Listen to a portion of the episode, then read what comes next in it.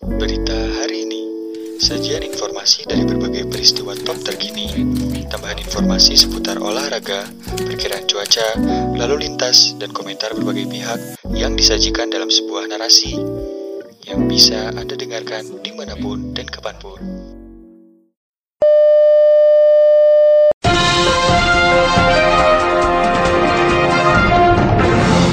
Pemirsa berbagai peristiwa terjadi di berbagai belahan dunia pada Minggu 11 November 2020 mulai dari penembakan terhadap seorang pendeta sampai pembelaan diri Presiden Prancis Emmanuel Macron soal kebebasan berpendapat. Inilah rangkuman sejumlah kejadian tersebut. Yang pertama, pendeta ditembak di Prancis, tersangka ditahan. Dikutip dari cnnindonesia.com, seorang pendeta Kristen Ortodoks Yunani mengalami luka-luka setelah ditembak penyerang misterius di kota lain, Prancis. Nicholas Kakavelaki berumur 52 tahun diserang saat ia tengah menutup gerejanya pada Sabtu 31 Oktober 2020.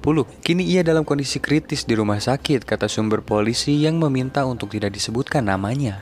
Pastor itu ditembak dua kali di dada dari jarak dekat menurut sumber yang dekat dengan penyelidikan. Para saksi mendengar suara tembakan itu kemudian melihat seseorang melarikan diri dan menemukan seorang pria dengan luka tembak di pintu belakang gereja. Kata kantor Kejaksaan Lyon dalam sebuah pernyataan penyerangan melarikan diri dari tempat kejadian. Tetapi jaksa penuntut umum Lyon Nicolas Jacquet mengumumkan bahwa seorang tersangka telah ditangkap. Yang kedua dinilai lukai Islam Macron kembali angkat suara. Presiden Prancis Emmanuel Macron kembali angkat suara terkait kecaman dunia atas komentar yang ia lontarkan atas serangan terhadap seorang warga Perancis terkait penerbitan ulang kartun Nabi Muhammad yang dinilai melukai umat Islam.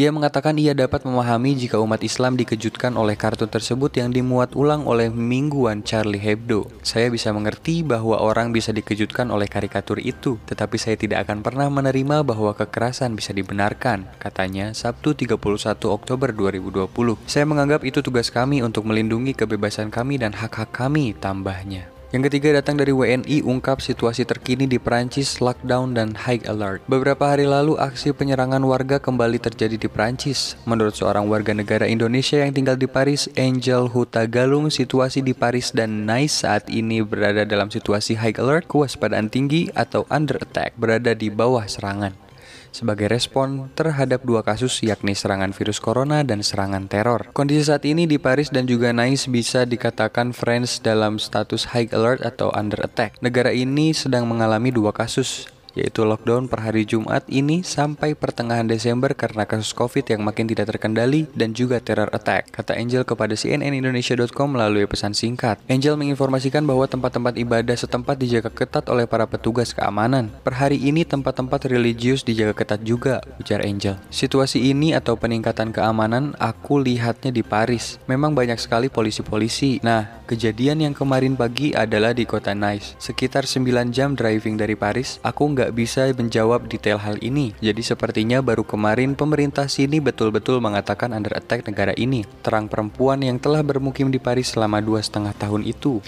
Hal senada juga diutarakan oleh WNI di Paris lainnya Astari Suhana. Dia menuturkan situasi di Nice saat ini masih terus diawasi oleh aparat keamanan. Pemerintah setempat juga meminta agar semua tempat ibadah dilindungi oleh polisi. Situasi saat ini di Nice masih terus diawasi oleh aparat keamanan dan pemerintah agar semua tempat beribadah apa pun agamanya minta dilindungi oleh polisi. Tingkat kewaspadaan di Perancis dinaikkan oleh para perdana menteri, kata Astri kepada CNN Indonesia.com. Pemirsa itulah tiga kejadian yang terjadi pada tanggal 1 November 2020.